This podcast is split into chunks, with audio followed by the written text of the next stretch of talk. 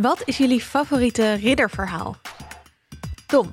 Uh, van mij is het denk ik The Green Knight. Omdat dat naast dit verhaal uh, de meest recente ridderverfilming is die ik heb gezien. En dat vond ik zo ontzettend goed werken. Ja? Dus, dus ik denk echt dat dat, uh, dat, dat is. Je favo. Annaluna? Ik twijfel of het de Disney-film Robin Hood is. Of gewoon heel Monty Python en The Holy Grail. Oeh, ja. Ja, ik heb net bij mijn lunch nog even scènes eruit zitten kijken. Omdat ik deze vraag verwachtte. Ja.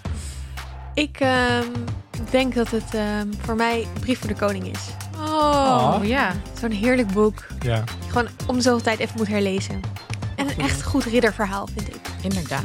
Of misschien wel Geheim voor het Wilde Woud. Het vervolg. Maar die is Iets heel zielig. Ja, het is ook. Dit is de Vierkante Ogen Show, de popcultuurpodcast van dag en nacht. Wij zijn Annaluna en Esther en vandaag praten we met Tom Aalmoes over The Last Duel. We reizen naar het jaar 1386, naar een trial by combat zoals we die kennen van Game of Thrones, maar dan echt gebeurd. De mannen Jacques Legris en Jean de Carouge duelleren tot de dood. De vrouw van Jean de Carouge heeft Jacques Legris namelijk beschuldigd van verkrachting en het gevecht moet uitwijzen wie gelijk heeft. Hier komt meteen een waarschuwing aan de luisteraar. Niet alleen voor spoilers, maar ook voor gevoelige inhoud.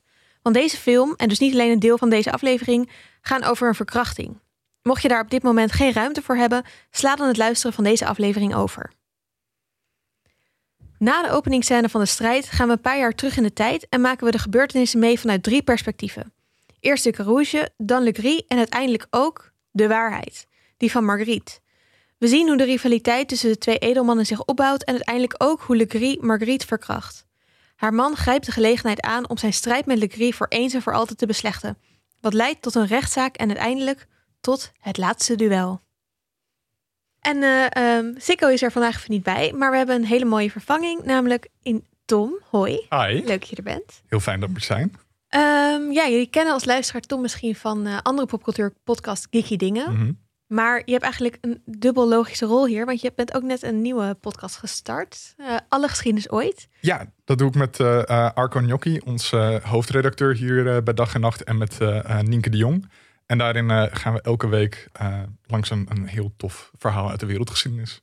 Ja, echt een leuke podcast. Heel gezellig. Ik vind het ook, heel leuk. Ja. Ah, thanks. Heel veel van geleerd.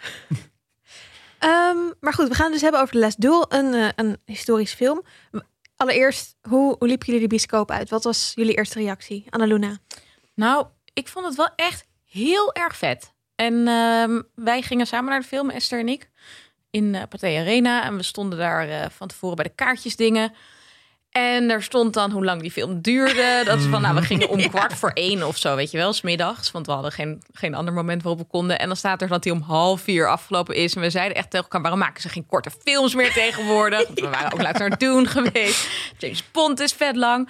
Maar ik heb me echt geen enkel moment verveeld. En zelfs aan het einde vond ik het echt heel spannend. Ja. En, nou ja, ik heb nog even teruggezocht, want ik herinner me in de bioscoop dat tijdens dat duel dat mijn hart echt een keer ging. Mm. Toen ging ik kijken in mijn Fitbit geschiedenis en toen zag ik dus echt zo'n piekje in die bioscoop dat ik daar nog wel zit, maar oh, dat grappig. het echt zo even omhoog schiet. Zo van, oh my god, wat gebeurt hier? Wij zaten echt allebei half zo onder onze jas te kijken van, oh, nee, ja, het was echt heel heftig, maar Ja. wel heel tof. Ja. Ja, ik had ook hetzelfde. Ik zat uh, uh, naast mijn vriendin in die bioscoop en we hebben echt elkaars hand voor verbrijzeld volgens mij tijdens die scène. Want we hadden elkaars hand vast en dat is zo'n Ja. knijpen van de spanning. Um, en ik moest ook echt uh, even landen toen ik de bioscoop uitkwam. Ik dacht echt van, oeh, oké, terug naar de aarde. ja, terug naar de moderne tijd. Ja, dat. Dat had ik ook, ja. Ja, ik vond het ook heel vet. Ik had een beetje wisselende reviews gelezen van tevoren. Dus ik was ook een beetje, nou ja, me heel erg opengesteld voor mogelijk niet zo'n leuke film. Maar ik was echt helemaal vanaf het begin overweldigd. En ja, ik vond het gewoon een hele coole film eigenlijk. Ja, laten we het meteen even hebben. Wat, wat vonden we er vet, leuk, goed aan? En misschien ook goed om even te zeggen, er waren denk ik voor ons allemaal ook wel wat dingen die we wel wat minder vonden. Daar gaan we ook even bij stilstaan, maar wat verderop in de aflevering. Maar allereerst, wat vonden we allemaal heel vet? Het, het duel. Het duel. ja, uh, en, en, en dat, uh, daarvoor moet ik dan toch weer andere dingen noemen die ik dan ook weer goed vond. Uh, dus, dus, het wordt, zoals je zei, verteld uit drie perspectieven. En daardoor uh, um, bouwt door de film heen het belang van het duel op tot, tot een soort van iets, iets echt gigantisch. Door de manier waarop je het meekrijgt. Uit alle drie de mensen die erbij betrokken zijn, snap je waarom ze doen wat ze doen. En zeker in het laatste deel van Marguerite wordt duidelijk, ja, zij gaat verbrand worden als haar man dit duel verliest. Holy fuck. Ja, Ja, en dat, dat, ze van tevoren niet. Dus dat uh, is ook nog even een, een momentje als, dat dat aan haar verteld wordt. Ja, wij als kijker wisten dat ook niet, volgens Nee. mij. Want in de trailer zit dat niet, Nee. dacht ik. En sowieso vond ik die trailer best wel chaotisch. En ik dacht wel van, oh vet, ik wil dit zien. Adam Mhm. Driver, Judy Comer, met Damon, top. Ja, Maar ik dacht wel bij die trailer van dit verhaal schiet echt alle kanten op en ik snap er geen hol van. En Ja. dat had ik helemaal niet in de bioscoop. Inderdaad, omdat die verhaalopbouw gewoon heel Ja. goed is. en daardoor is dat duel dus uiteindelijk eh, zo gewichtig. Het is niet alleen maar een gevecht. Het is echt iets waar, waar zoveel belang aan hangt. En, en je, je hoopt zo voor haar vooral eh, eh, dat, dat haar man wint. Dat, dat, dat elke beweging, elke schijnbeweging is soort van... Oh nee, oh nee. je zit er zo in. En dat vond ik zo ontzettend goed gedaan. Ik heb denk ik niet een, een gevechtscène gezien in een film... die op die manier zoveel betekenis krijgt. Nou ja, het deed mij wel echt heel erg denken aan de befaamde duelscène van Game of Thrones. Mm. The Mountain en de Viper. Ja, En ik had datzelfde gevoel dat je echt denkt van... Kut, ik weet wat hier op het spel staat. Het is zo spannend. Je weet welke kant moet winnen. Je weet hoe belangrijk het is. En ik dacht dus ook tijdens de duelscène de hele tijd... dat ze allebei dood zouden gaan. Dat Mm. dat eigenlijk eh, de, de ontknoping zou zijn. Maar ik vond dat wel heel goed gedaan dat het zo opgebouwd was. Ja, En- ook, ook met het eh, bekend momentje halverwege het gevecht. Dat is inderdaad ook hetzelfde, bedenk ik me nu. Ja, ja, precies. En dat ik daardoor heel erg dacht, oh kut, en nu gaat hij juist door die overmoed of zo, Ja. gaat hij dan toch zelf dood. En dat vond ik heel goed eh, gedaan, ook dat dat dan uiteindelijk niet zo is. En ik vond het heel goed. Ik heb in deze podcast wel eens verkondigd eh, dat ik bijvoorbeeld als ik James Bond kijk, dat ik dan zin heb om dan heel erg te gaan vechten. maar dat heb ik, had ik bij deze film totaal niet. Mm. Het verheerlijkt op geen enkele manier geweld of oorlog of wat dan ook. En ik dacht echt alleen maar, nee, het is ook echt heel kut alleen maar geweld. het is en echt oorlog. een lelijk gevecht. Ja, het is echt vies en lelijk, inderdaad. Ja, Ja, want ik las ook van wat. ehm ja, ik weet niet, een review die zei van ja, dat gevecht hadden ze echt wel wat meer kunnen choreograferen, hadden ze meer uit kunnen halen. Huh? Maar toen zag ik een Oh. soort van making-of dingetje.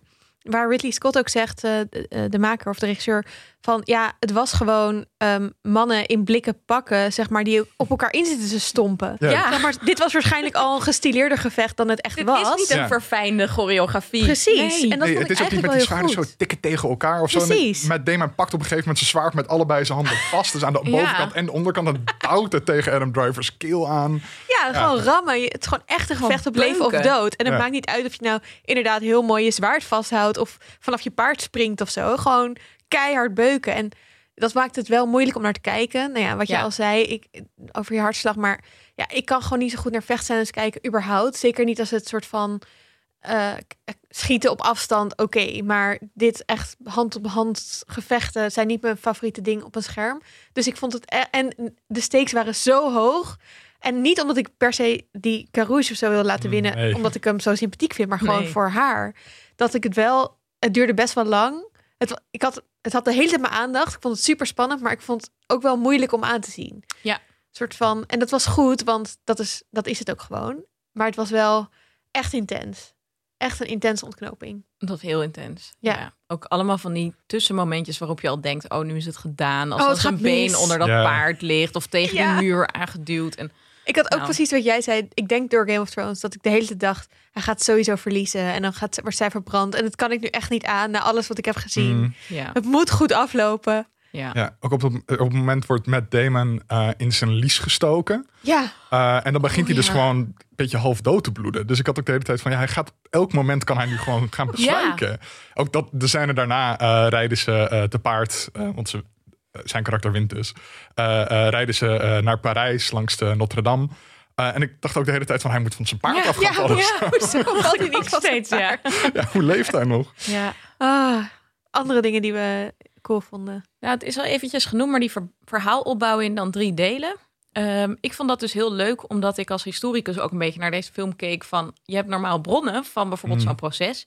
En die moet je dan ook als historicus naast elkaar leggen om te kijken wat daar gebeurd is. En dat vond ik dus heel leuk om ehm, zo voorgeschoteld te krijgen. En ook vond ik het heel spannend, want het kan ook heel saai zijn als je elke keer hetzelfde verhaal ziet. Dat je een beetje denkt op een gegeven moment van nu weet ik het wel. Een beetje zoals je ook in een heist of zo, dat het dan teruggespoeld wordt en dat je het nog een keertje ziet. Dat je ook een beetje denkt, ja, moet je Mm. niet al te lang doen. Maar hier hadden ze het heel goed doorspekt met steeds een beetje nieuwe details of Ja. net een andere conversatie. Dat je denkt, wie herinnert zich dit nou eigenlijk goed? Mhm. En dat vond ik heel tof, zeker omdat dat natuurlijk ook echt een vraag is die steeds centraal staat. Nou, nu in MeToo-zaken, absoluut. Maar sowieso gewoon in de geschiedenis van je bent historicus en je werkt met bronnen die gekleurd zijn, maar die ook vaak gewoon opgeschreven zijn een paar jaar na dato of zo. Mhm.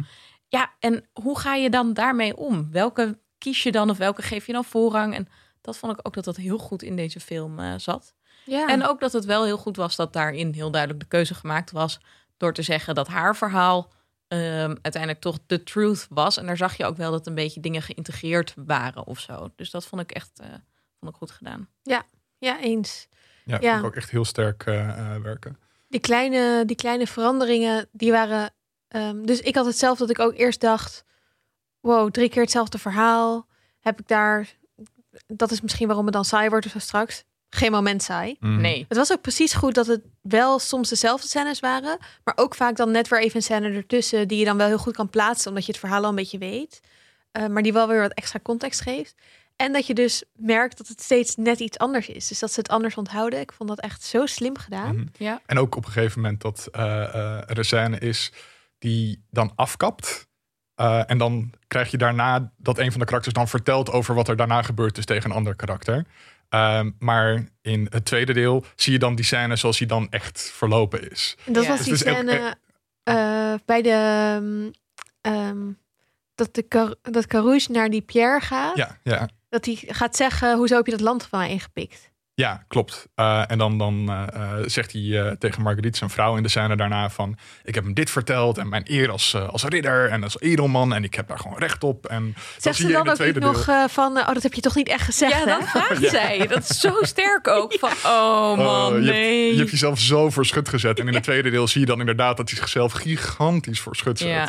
ja, zeker. Oh, oh, oh. Ja, het was echt heel goed gedaan. Ja. Ehm, ik vond ook de eh, hoe het is een middeleeuws verhaal en ik vind films over de middeleeuwen ook vaak een beetje mm, ja te geromantiseerd of zo. Ik, bedoel, ik weet natuurlijk niet hoe het echt was, maar gewoon van die ridders en kastelen romantische films. Dit had wel, vond ik, een goede combinatie tussen best wel de rauwheid van de middeleeuwen, maar ook wel de mooie ehm, jurken en eh, de coole oude boeken. En, dus ik weet niet of het representatief was. Mm. Maar ik vond dat wel, eh, eh, dat, ik zat er wel heel erg in of zo. Ik werd heel erg meegenomen in die wereld.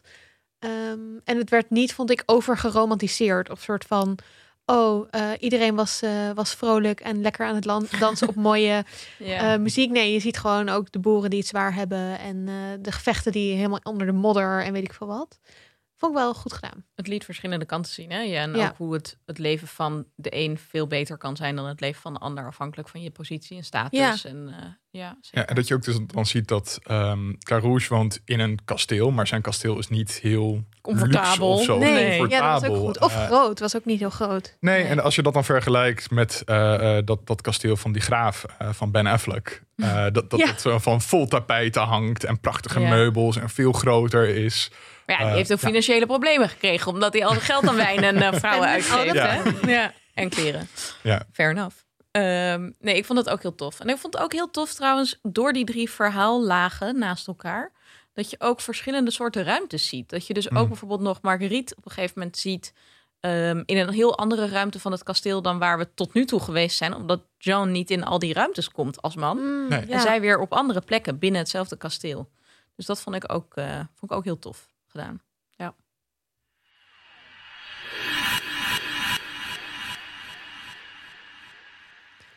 Hey, en we hadden het er al even over. Dit is dus echt gebeurd. Eh, of in ieder geval de, de grote plotpunten lijken echt gebeurd te zijn.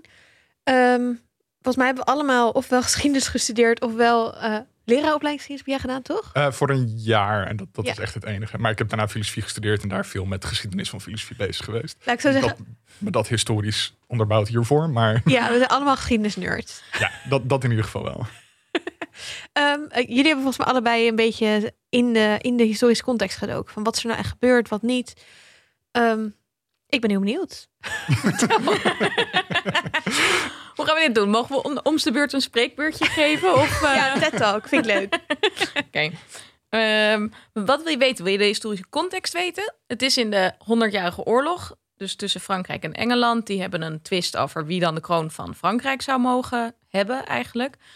En door die oorlog en door allemaal spanningen die dan vervolgens binnen uh, Frankrijk ontstaan, komt er ook een burgeroorlog in Frankrijk. En allerlei gedoe tussen alle verschillende graafschappen en zo. Ja, die context miste ik wel een beetje bij de film eigenlijk. Mhm. Ja. Ik was echt in het begin ook best wel bezig met het plaatsen van, omdat ik wist dat het echt gebeurd was, van oké, maar is die Pierre dan de koning? Nee, hij is toch niet de koning? Oh, Ja. het is maar een graaf of zo? Of- ja, en ook omdat je in het begin heel even die koning ziet, maar dan daarna wordt die Pierre belangrijker. ja. Wat ook wel echt correspondeert natuurlijk met hoe het leven voor een ridder als eh, Jean de Carouge geweest is. Die zag zijn graaf vaker dan de koning. Ik vond Maar- het wel goed gedaan dat je daar... Het, het is ook een beetje een soort van politieke thriller bijna. Ja, En die politieke structuur van dat feudalisme kwam er best goed uit naar voren. Zonder dat ze echt gaan zitten van... En dan heb je een graaf en boven de graaf staat de koning. ja. Nee, ik vond het heel tof ehm, eigenlijk dat ze best wel wat hinten op al die politieke verschuivingen en laten zien hoe dit soort dingen meespelen. Ook bijvoorbeeld dat de vader van Marguerite de koning verraden heeft. Mhm. Dit is een heel instabiel moment ook weer, omdat in 1380 de oude koning Karel V overlijdt. En die wordt dan opgevolgd door zijn elfjarige zoon. Dus ook weer de stabiliteit van het koninkrijk is daarmee extra natuurlijk eh, in vragen. En dat is heel tof dat ze daar steeds op hinten, maar dat je dat niet helemaal uitgelegd krijgt. En toen ik dus ging opzoeken op wat, welk verhaal dit nou gebaseerd is, toen zag ik dus ook echt dat dat in het historische verhaal heel erg is meegenomen. Dus dit is gebaseerd, deze film, op een boek geschreven door eh, Eric Jager, een Amerikaanse historicus. Eh, Het boek komt uit 2004 en hij werkt aan eh, UCLA, dus de University of California in Los Angeles. Het is iets van 250 pagina's en het is vet spannend. Ik heb er net even doorheen zitten bladeren en Mhm. zo. En ik had het echt al bijna uit, zeg maar, in mijn lunchpauze die Oh, ietsjes werd opgerekt. ja, maar ik vond het echt, ehm, het is wel een aanrader in de zin dat het, ja, dat leest echt als een thriller. En het is, heeft eigenlijk ook best wel eenzelfde soort opbouw als de film. Met ook dat duel dat dus pas helemaal aan het einde komt. Mhm. Dus je wil als lezer, denk je echt, oh my god, wat is dit? Hey, en Tom, je zei net tegen mij al dat het heet het, het laatste duel. Maar dat was het niet. Ja, Maar waarom? Hoezo? Die mythe ehm, is een beetje gaan leven eh, door, door hoe dit verhaal doorverteld is. En door wat voor rol dit verhaal eh, ehm, in vroegmodern en modern Europa is gaan spelen. En ehm, het, het echte laatste duel was ergens in eh, 1547 volgens mij. Maar dit verhaal is veel bekender dan dat verhaal. Dus dit verhaal circuleert rond, wordt, wordt verteld, wordt weer opgeschreven. Het verhaal over. Marguerite en... En, en, en eh en eh ehm, Carouge. eh, Carouge. En ehm, uiteindelijk wordt het voor schrijvers een manier om met dit verhaal ook een beetje te laten zien hoe achterlijk de middeleeuwen waren. Hmm. Dus onder andere Voltaire volgens mij eh, schrijft hierover van... zie je, ze hadden een verschil, ze wisten niet wat waar is... en dan leggen ze het in de handen van God en slaan ze elkaar eh, eh, het hoofd in. ja. Wat, wat achterlijk. Is echt een typisch voorbeeld van de barbaarse, achtergestelde middeleeuwen. Ja, ja. En, en daarom komt een beetje dat laatste duel van... Het, het was zo barbaars en zo belachelijk dat ze daarna hebben gezegd... dit was het laatste duel, want dit gaan we niet meer zo doen. En daarom zijn we nu verlicht. Of nou, niet daarom, maar eh, dat we dat ons achtergelaten hebben... maakt ons nu beter dan dat we vroeger waren. En misschien voor de oplettende luisteraar die onze Hamilton-aflevering geluisterd heeft.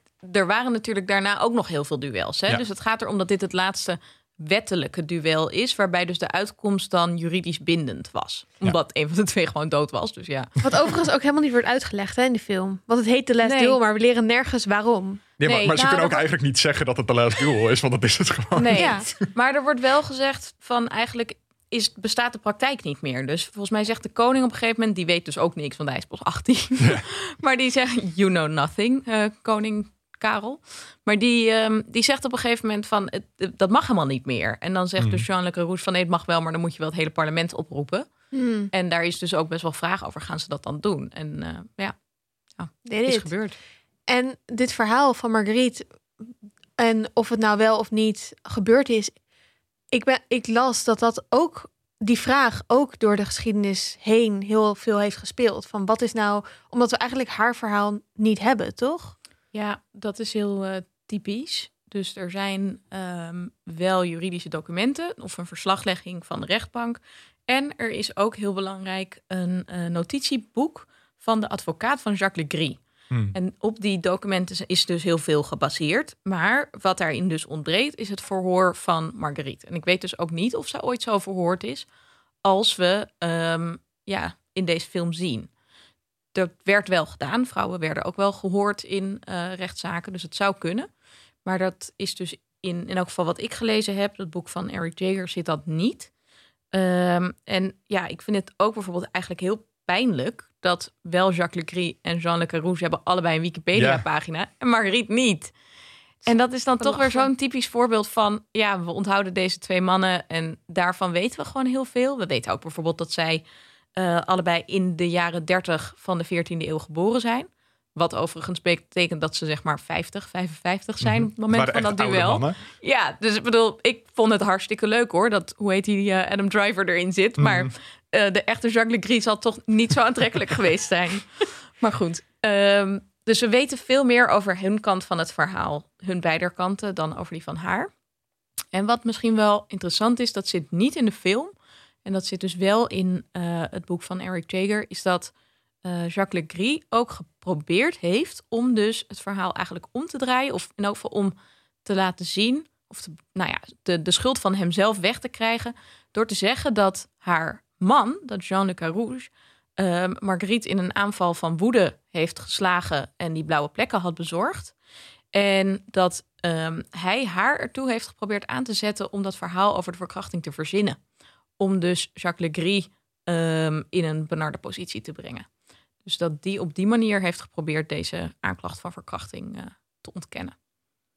Nasty. Heel nasty. Zeker nasty. En dat is ook wel, uh, ook met, met die latere historische traditie waar ik het net over had, is het ook heel veel dat um, de onschuld van Le Gris uh, een beetje wordt aangenomen. Dat, Ja. dat uh, het verhaal gaat de hele tijd dat Marguerite misschien wel verkracht is, maar dat ze zich vergist heeft over wie dat nou precies was. Ja.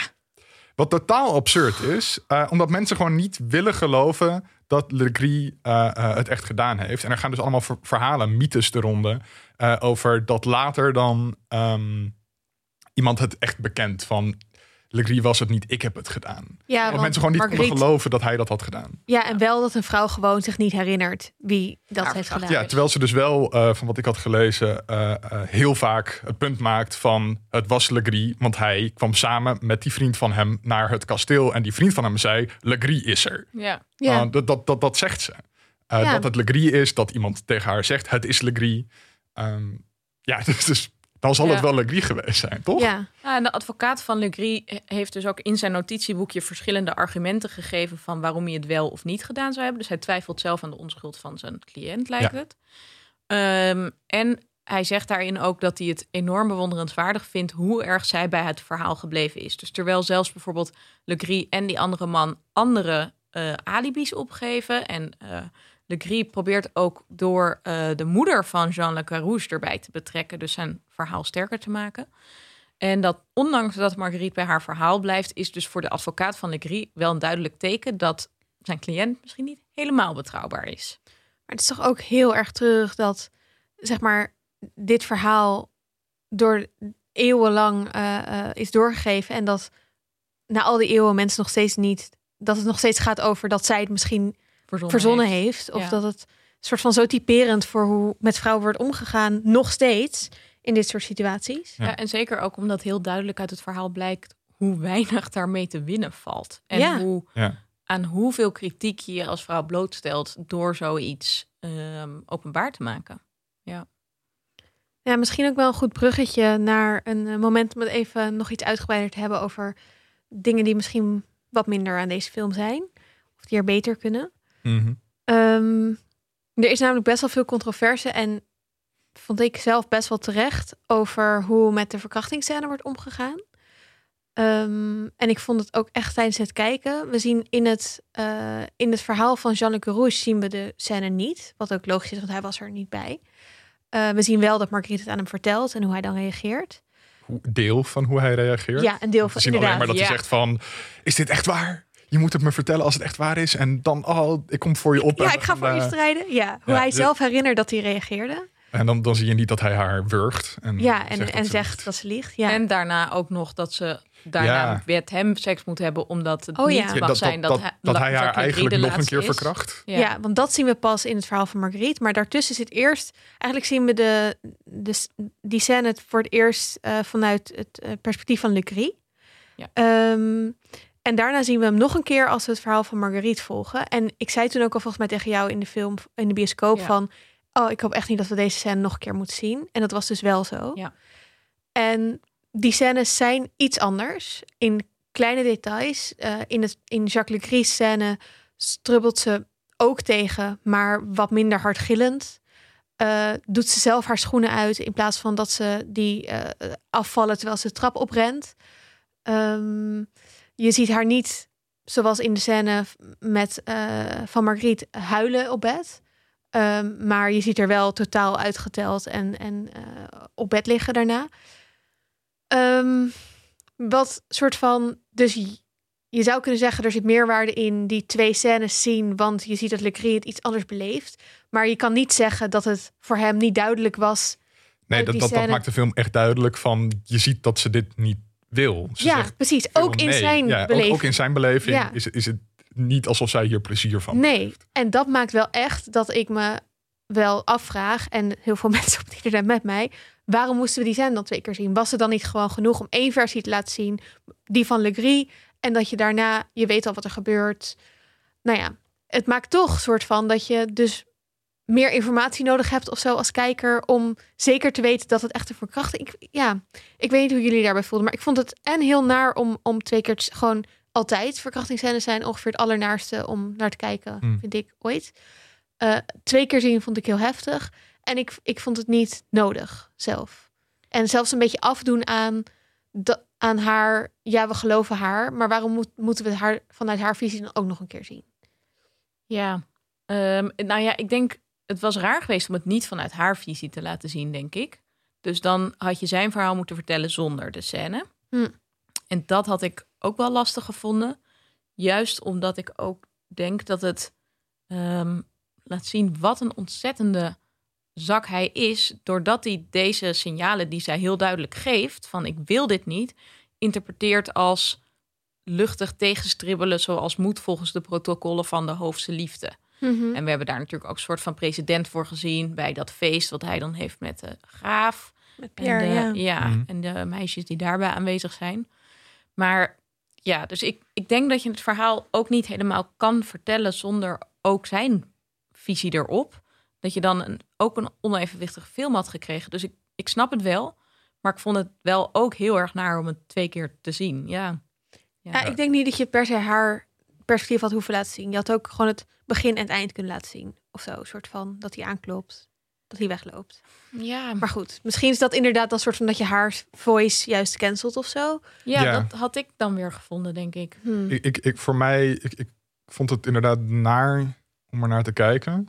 Maar ik denk niet dat de film er soort van eh, ehm, luchtig met die twee keer het laten zien omging. Want bij die eerste keer dat je het ziet eh, vanuit Legris, eh is ook heel erg de focus op soort van hoe hij ondanks haar eh, eh, nee, ondanks haar angst, zo gefocust is op zijn eigen plezier. Je hebt ook gewoon dat, dat shot van zijn gezicht dan Ja, wat heel naar is terwijl, hij komt. En dat hij die alleen maar daarmee bezig is met hoe, hoe met zijn eigen lichamelijke genot. ja, Ehm, en dat contrast dan met die tweede keer dat je dan eh, tijdens hetzelfde gebeuren eh, haar gezicht ziet en haar eh, doodsangsten. Ehm, ja, dat is niet fijn om te zien. En ik vind wel dat de film je er niet voor voorbereidt. Dat, dat, dat, dat is Hmm. wat ik er wel, wel een tekort aan vond schieten. Dat vooral. Niet aan hoe ze die scènes hebben gedaan, maar het feit dat je nergens van tevoren de Mhm. waarschuwing krijgt dat dit er überhaupt misschien aan zou kunnen komen. ja. Want uit de trailer warning. blijkt hier niks van. Aan het begin Nee. van de film blijkt hier niks van. Het is, de, de film bespringt je er eigenlijk twee keer mee. Twee keer Ja. uit het niets is het gewoon van, oh ja, dit gaan we nu doen. Ja, en als je het soort van, het kan heel erg traumatisch eh, Ja. werken voor mensen. Maar de trailer maakt wel duidelijk dat het gaat om een verkrachting, toch? Ja, maar niet dat je een verkrachting twee keer heel grafisch te zien gaat krijgen. Nee, daar zit dat in. Je zou best een warning of zo van tevoren Ja, een kunnen trigger geven. warning zou wel Ja. echt goed Ja. zijn. Ja. Ja, ik vond het ook wel. ehm, ehm, ik vond het heel goed dat ze zeiden eh, dat Marguerite's verhaal The Truth, als The Mhm. Truth werd bestempeld. Eh, dat gaf toch wel een iets ander eh, perspectief aan, aan ook hoe je dat, nou ja, haar kant dan soort van meekrijgt.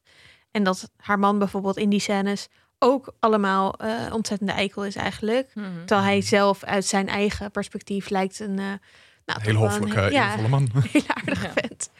Ehm, ja, waren er andere dingen die jullie eh, moeilijk vonden of jammer? Of, eh, Ja, wat ik altijd wel echt jammer vind, is als de middeleeuwen gefilmd worden, of verfilmd worden met een soort van grijs tint over je scherm heen. Dat, was wel duidelijk, ja. Ja. Het is zo'n cliché van, oh, de middeleeuwen, allemaal donker, allemaal grijs, allemaal vies. En sure, ik bedoel, heel veel was gewoon best wel vies. Maar het was echt niet zo dat er toen heel ander licht was in Europa en dat het alleen maar heel donker was. Dus Ja, nooit schijnt de zon. nee, Nee, daar ben ik wel een met je dikke grijs filter over de hele film heen. Ja, en het is op zich wel zo dat als je dan de meer hoofdse scènes hebt, dat dat wel weer wat meer is. Dus dat er ook wel licht in zit. Maar ik vond het, het contrast een beetje groot of een beetje. Ik vond het gewoon een beetje cliché af en toe in dat opzicht. Ja, ik vond dus wel leuk dat het niet was... Oh, ridders, kijk, het is allemaal heel erg shiny. En want dat heb je ook wel eens. Ja. En dat, dat het dat niet had.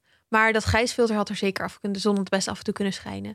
Ik vond het ook wel leuk dat het wel soms... Nou ja, wat jij ook eigenlijk al zei... dat dat kasteel dan van zo'n Caroes... gewoon best wel een donkere plek is... waar niet Mhm. allemaal wandkleden hangen of dat soort dingen. Dus dat je wel... Ik had wel het idee dat ze probeerden niet te gimmicky te maken of zo. Maar dat werd het, ja, met die modder en grijsheid misschien nog een beetje. Het is denk ik ook, je kunt hier heel moeilijk clichés ontwijken of zo. Maar ik had ook wel heel erg wat je in Game of Thrones hebt. In Winterfell is helemaal donker. En Mm. iedereen heeft dikke kleren aan. En van die eh wambuizen, weet ik veel wat. En dan heb je King's Landing. En daar heeft iedereen mooie kleren. En iedereen heeft heel veel seks. En dan denk je, ja, jeetje, wat een cliché. En dat zag ik hier ook een beetje in terug. Ja, terwijl, soort van, dit is allemaal in Normandië, behalve de scènes in Parijs. Het is niet alsof Parijs ook een tropisch oord is. Nee, Nee, dus het is een beetje, ja, ik vond dat maar wel een beetje cliché. ik vond dat wel mee. Ja, ik maar vond- goed, nee, net als wat je ook net zei hoor. Het is, laat ook wel zien dat mensen toen ook op verschillende manieren leefden. En ja, oorlog is ook gewoon vies. Dus dat Ja. moet je vooral heel modderig en ranzig laten zien. Met een paard dat eh, onder je vandaan wordt neergestoken, weet ik veel wat. Dus daar in dat opzicht heb je zeker gelijk. Maar ja, ik vind het dus toch altijd een beetje. Het, het, het eh, haakt heel erg in op wat jij net al zei, Tom, van dat de middeleeuwen heet de middeleeuwen omdat mensen in de 19e eeuw gingen denken: hoe Mm. gaan wij ons onderscheiden van die tijd? En daarom wordt het ook heel vaak de Dark Ages genoemd in het Engels. En dat vond ik af en toe dat het ietsjes te veel bevestigde nog. Ja. Maar goed, dat past ook wel weer bij de film natuurlijk. In, in, als je bedenkt uit welke mythe het dus voor, of legende het voortkomt. Ja, en het einde vond ik ehm, een beetje Dat bloemenveld. het bloemenveld Ah, dat, en dan dat, dat is echt een soort. Pride and Prejudice einde. Ja, maar ook, ook de Hunger Games. Toch? Die eindigen ook Ja, zo. ook zo. Met zo'n meadow. Ja. En met een babytje. En ze is nu eindelijk een gelukkige moeder. Wat ze altijd al had willen zijn. En, Ja. Ja, er blijft natuurlijk een beetje in het midden wiens... Want hè, ze is zwanger in, de, in de, het laatste gedeelte van de Mm. film. En het is onduidelijk wiens kind eh, ze, ze draagt. Waarschijnlijk weet ze het zelf ook niet. Want ja, hoe zou ze dat moeten weten? Ze heeft, in de- dat hadden we het ook al over, kort na de verkrachting... moest ze seks hebben met haar man. Omdat hij niet wilde dat... eh, Ze zou het kunnen weten als ze bijvoorbeeld wist wanneer ze overleerde en ongesteld werd. Ja, dan zou het kunnen. Maar ik had niet idee dat ze dat wist, omdat ze Nee. ook te raden ging bij een soort dokter over vruchtbaarheid en zo. Mm. Ja. En die haar allemaal super weird advies gaf. Ja. Misschien ook wel leuk om even bij stil te staan. Maar veel van de dingen die hier voorbij kwamen zijn dus wel accuraat. Dus bijvoorbeeld het idee van dat je als vrouw dan moest eh, klaarkomen om zwanger te kunnen worden. De kleine dood. De kleine dood. Ja. Maar ik vind de kleine dood eigenlijk best wel een goede naam voor een orgasme. Ja, past echt heel goed. Ehm, maar ook bijvoorbeeld het geloof in de humorenleer. Dus waar de Hmm, dokter het over had dat je ehm, lichaam uit vier verschillende sappen eigenlijk is opgebouwd. Bloed, zwarte gal, gele gal en flegma. En dat de verhouding tussen die verschillende ehm, vochten bepalen hoe jij als mens bent. En vrouwen hebben dan zogenaamd altijd meer van het een dan mannen hebben. En die zijn dan vochtiger qua van constitutie. En dat betekent dat ze ook minder rationeel zijn. Je denkt, hoe, hoe verbind je deze conclusie Ja. aan die? Maar oké. Eh, maar dat vond ik leuk dat dat soort dingen ook wel echt klopten en eh, echt goed gedaan waren. ja. Er zat ook heel veel in kleine details van ook het eten dat op tafel lag en zo. Dat zag er allemaal. Van heel bizar uit, maar wel van ja, oké, dit zal het inderdaad wel geweest Ja. zijn of zo. Want ik herken het gewoon niet als Nee. gerecht. Oh, daar heb ik helemaal niet op gelet. Ja, je had op een gegeven moment ook bij die scène waar we het net al over hadden, eh, eh, dat eh, de Carouse zichzelf volledig voor schut zet voor de graaf. Er stond er een soort gebak op tafel, waar ja. allemaal soort van kruiden ingestoken waren en twee Ja. stokjes met een touwtje waar Oh, vlaggetjes ja. van afhangen en zo. Ja. Dat echt een soort kunstwerkje. Een soort Ja. kaas leek het wel. Ja, misschien dat dat het was. Ik weet, ik weet niet zo Ja. goed wat het was, maar, Maar het het zag er leuk iets uit. wat op een tekening of zo staat van eh, uit die tijd. Ja. Ik Cool. heb ook wel eens kookboeken uit die tijd doorgebladerd. En het is echt, het is zo raar dat je denkt, hoe, hoeveel suiker kun je in één gerecht stoppen om te zorgen Ja. dat je de smaak van verrot vlees niet meer proeft. Ja. Eh,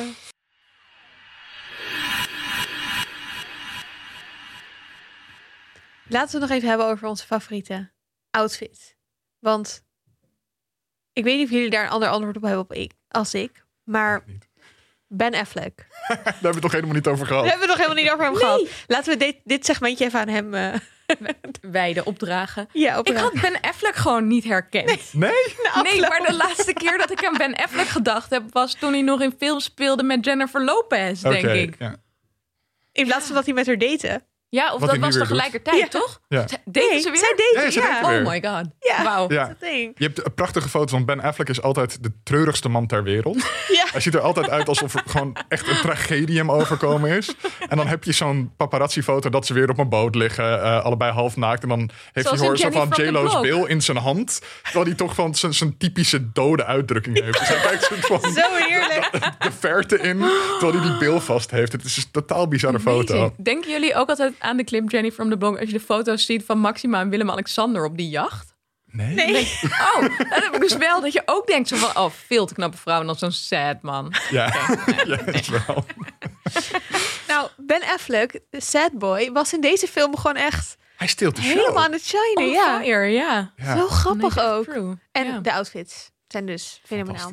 Ik bedoel, als iemand ooit aan je vraagt... welke moet ik aan hebben, welke schoenen moet ik kiezen... deze zwarte of deze gouden... dan is het antwoord toch altijd de gouden. gouden. Ja, Als je gouden schoenen hebt, dan moet je Laten die we toch altijd aan. Ja, Ja. meer gouden schoenen gaan. Ja, sowieso. Zullen we het sowieso nog even hebben over de acteurs en de actrices? Ja, en waar leuk. we ze Ja. van kennen? Om even bij Ben Affleck te blijven. Hij had eigenlijk Legree moeten spelen.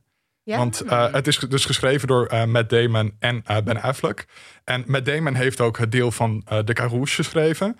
Eh, ben Affleck heeft het deel van Legree geschreven. Eh, en dus zouden zij ook allebei Oh, cool. de hoofdrol spelen in het stuk dat ze eigenlijk geschreven zouden hebben. Eh, maar toen hadden ze toch iets van, ja, iedereen weet gewoon dat wij hele goede vrienden zijn. En we hebben een bepaalde chemie en dat zou misschien raar zijn. Hmm. Dus daarom hebben ze toen uiteindelijk Adam Driver erbij gevraagd om toch die rol te spelen. En is Affleck dus een veel betere rol voor hem gaan Ja. spelen. Ja, dat is wel waar. Aan de andere kant vond ik het ook wel, vond het wel goed hoor dat ze ook een beetje speelden met dat. Ik had in elk geval in het begin van de film dus heel erg dat ik op de hand was van Jacques Legris. Gewoon omdat Ja. ik dacht, die vervelende Jean Le Carouge, hij is lelijk, Botte hij is aantrekkelijk, hij is bot. Ja, Zijn en mullet. nou ja, dan Hij heeft een komt je eigen bias over knappe mensen komt naar voren. Maar goed. Ehm, ja, en ik vond het dus wel heel goed dat, dat Adam Driver gaandeweg steeds vervelender wordt. En dat je dat realiseert. Maar dat hebben ze denk ik ook wel expres gedaan. Dat je daardoor een beetje in de val trapt van... Oh, maar ik kan toch niet zo... Hij is zo Nee, charmant en hij flirt heel man, leuk. En hij leest man. boeken. Ja, precies. Maar goed, Ja, Adam ja. Driver was wel een goede zet, want dat was wel eigenlijk een van de belangrijkste redenen dat ik naar deze film. Ik denk ook dat dat wel echt heeft meegespeeld. ik weet niet of ik anders was gegaan. Ja. Ik wil het nog even hebben over het accent van Matt Damon. Want Oh ja. dat was ook iets wat beter had gekund. Maar hij probeert het niet eens. Niemand zet een accent op in deze film. Behalve eh, Jodie Comer. Ja, maar Ja. Die, die moet, want ze heeft een heel erg Engels accent. Kwam, kwam Ja, maar nou, nou en Ben, eh, Oh. Matt Damon heeft een heel erg Amerikaans accent. En Het echt, is echt een beetje Boston. knauwend Amerikaans accent. Ja. Ja. Want bij Adam Driver viel het me helemaal niet op dat hij... Het is, maar bij, bij Matt Damon schiet het ook een beetje heen en weer. Dus soms is het wat neutraler en dan ineens zit er echt zo'n lelijke maar Amerikaanse... ik had het idee dat hij probeerde een soort half Frans accent te doen. Nou, is niet gelukt. Nee, Maar, ik niet weet niet, over. maar sowieso had ik het idee dat sommige mensen in deze film een soort van Frans-Engels praten. En sommige mensen gewoon neutraal Engels. Ja, Want Adam Driver zette soms ook wel een stemmetje op. Ja, een beetje. Ja. misschien probeerden ze te spelen met dat... eh er toen natuurlijk verschillende dialecten waren. Normandisch en heel diep. standaard Frans of zo. Nee, wat ik ook altijd heel irritant vind in films. Oké, deze film speelt zich af in Frankrijk. Mhm. Wat ik in het begin niet nog een soort van ook tegen jou zei volgens mij van is het zijn we in Waar is dit Zijn we in nou? Ja. Want ze praten Engels. Maar dan gaan ze naar de oorlog en dan zingen ze een Frans liedje bij Oh, ja. het kampvuur. En dan denk ik, Ja. ja. dan ga je dus, je spreekt de hele tijd Engels, maar nu ga je even een Frans volksliedje zingen om maar even te laten zien van, kijk, we zijn Frans. Maar doe dan of alles Frans of alles Engels. Dat vind Ja. ik gewoon irritant. Ja, dat Mensen ik wel. Of doe gewoon een lied zonder tekst. Dat we alleen maar een luid Ja. horen tokkelen of zo. Vind ik ook goed. Prima. Als tussenoplossing. Mm-mm. Hey, Jodie Comer is wel lekker bezig. Want die ken ik eigenlijk vooral uit Killing Eve. Waar ze Villanelle speelt. En ja, same. die ik de beste superschurk held vind ever. Ik miste haar echt toen Killing Eve was afgelopen. Dus ik was heel blij om haar weer in de film te zien. Ja, ik ook. En ik vond het dus ook wel leuk. Want soms heb je met series dat mensen daar niet meer helemaal uitkomen of zo. Totdat ze eenmaal een rol gespeeld hebben. En dan zie je ze daar eigenlijk daarna Mm. niet. En de overstap naar films wordt voor acteurs vaak gezien als... Oh, dan heb je het echt gemaakt. Dus ik vind het heel tof dat ze dit nu eh, heeft. Ik, heb een, ik ken haar verder dus nergens, want ik heb Killing Eve, Killing Eve nooit gezien. Maar ik vond haar zo ontzettend goed. Ik wist in het begin niet zo goed wat ik van haar, van, voor, van, eh, van haar kon verwachten. Maar op een gegeven moment zit er zo'n scène, dus dat ze er net is achter gekomen eh, dat als haar man het duel niet wint, ze verbrand gaat worden. En eh, dat is zo'n ontzettend goede scène. Ja. Die, die speelt ze zo soort van.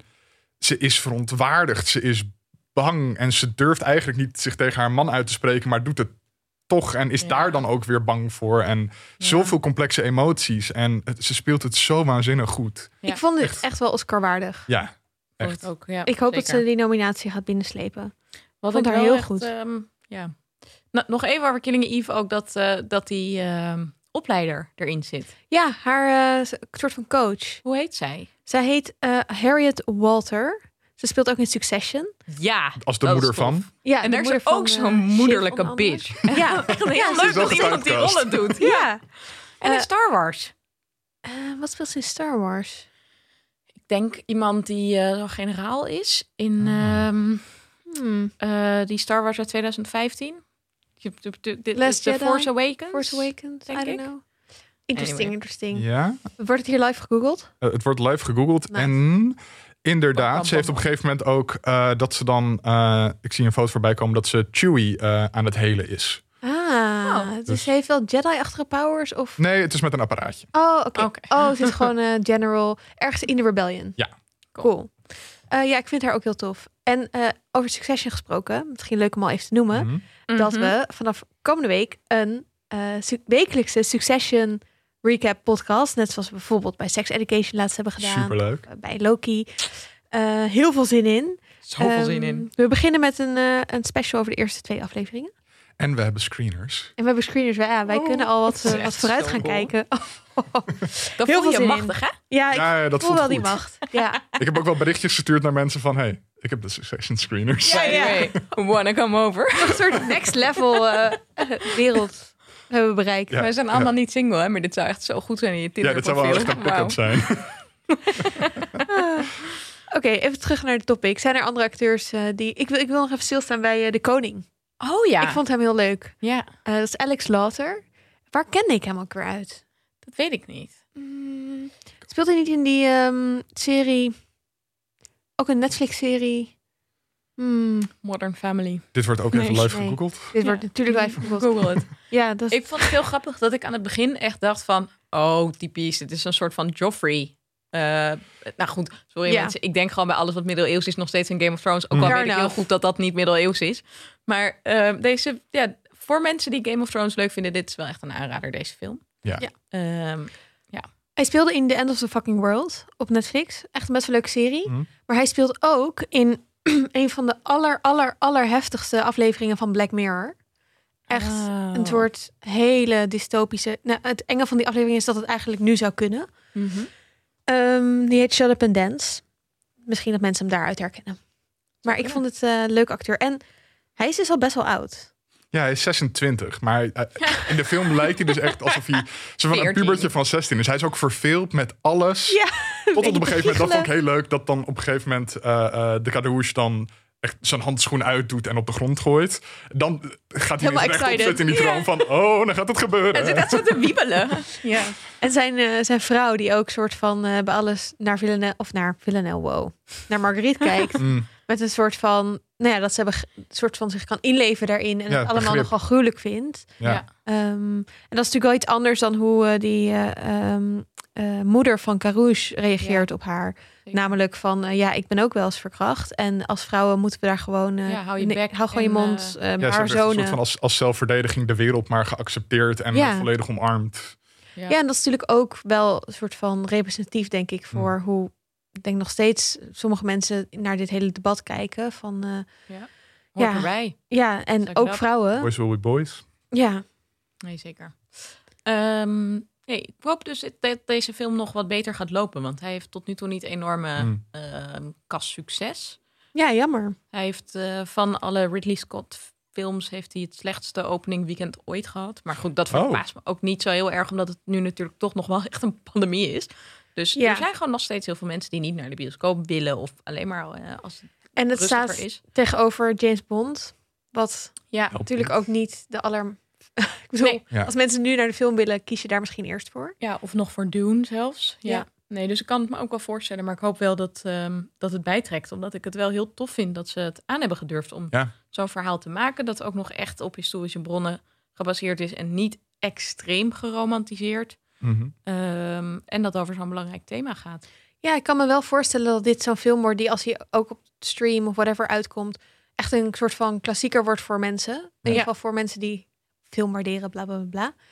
Dat het gewoon misschien wat minder een kaskraker Ja. achtige film is. Moeten we het ook nog even hebben over Matt Damon en Ben Affleck en hun relatie met Harvey Weinstein? Oh? Eh, tell me all about Oh, it. nee, nee, dus eh, eh, Good Will Hunting, de eerste film die ze samen hebben geschreven en ook eh, dat, dat echt hun carrières gelanceerd heeft, ehm, is, is geproduceerd door Weinstein. Dus zij hebben echt hun Ah. kans in de filmwereld gekregen door Harvey Weinstein. En ook volgens mij nog later steeds wel veel met hem gewerkt, contact met hem gehad. En een beetje onduidelijk of ze nou wisten wa- wat hij in zijn vrije tijd deed. Maar ja, daar hebben ze wel heel veel mee te maken gehad. En ik zag deze film wel een beetje als van, oh, dit, dit is wel Hmm.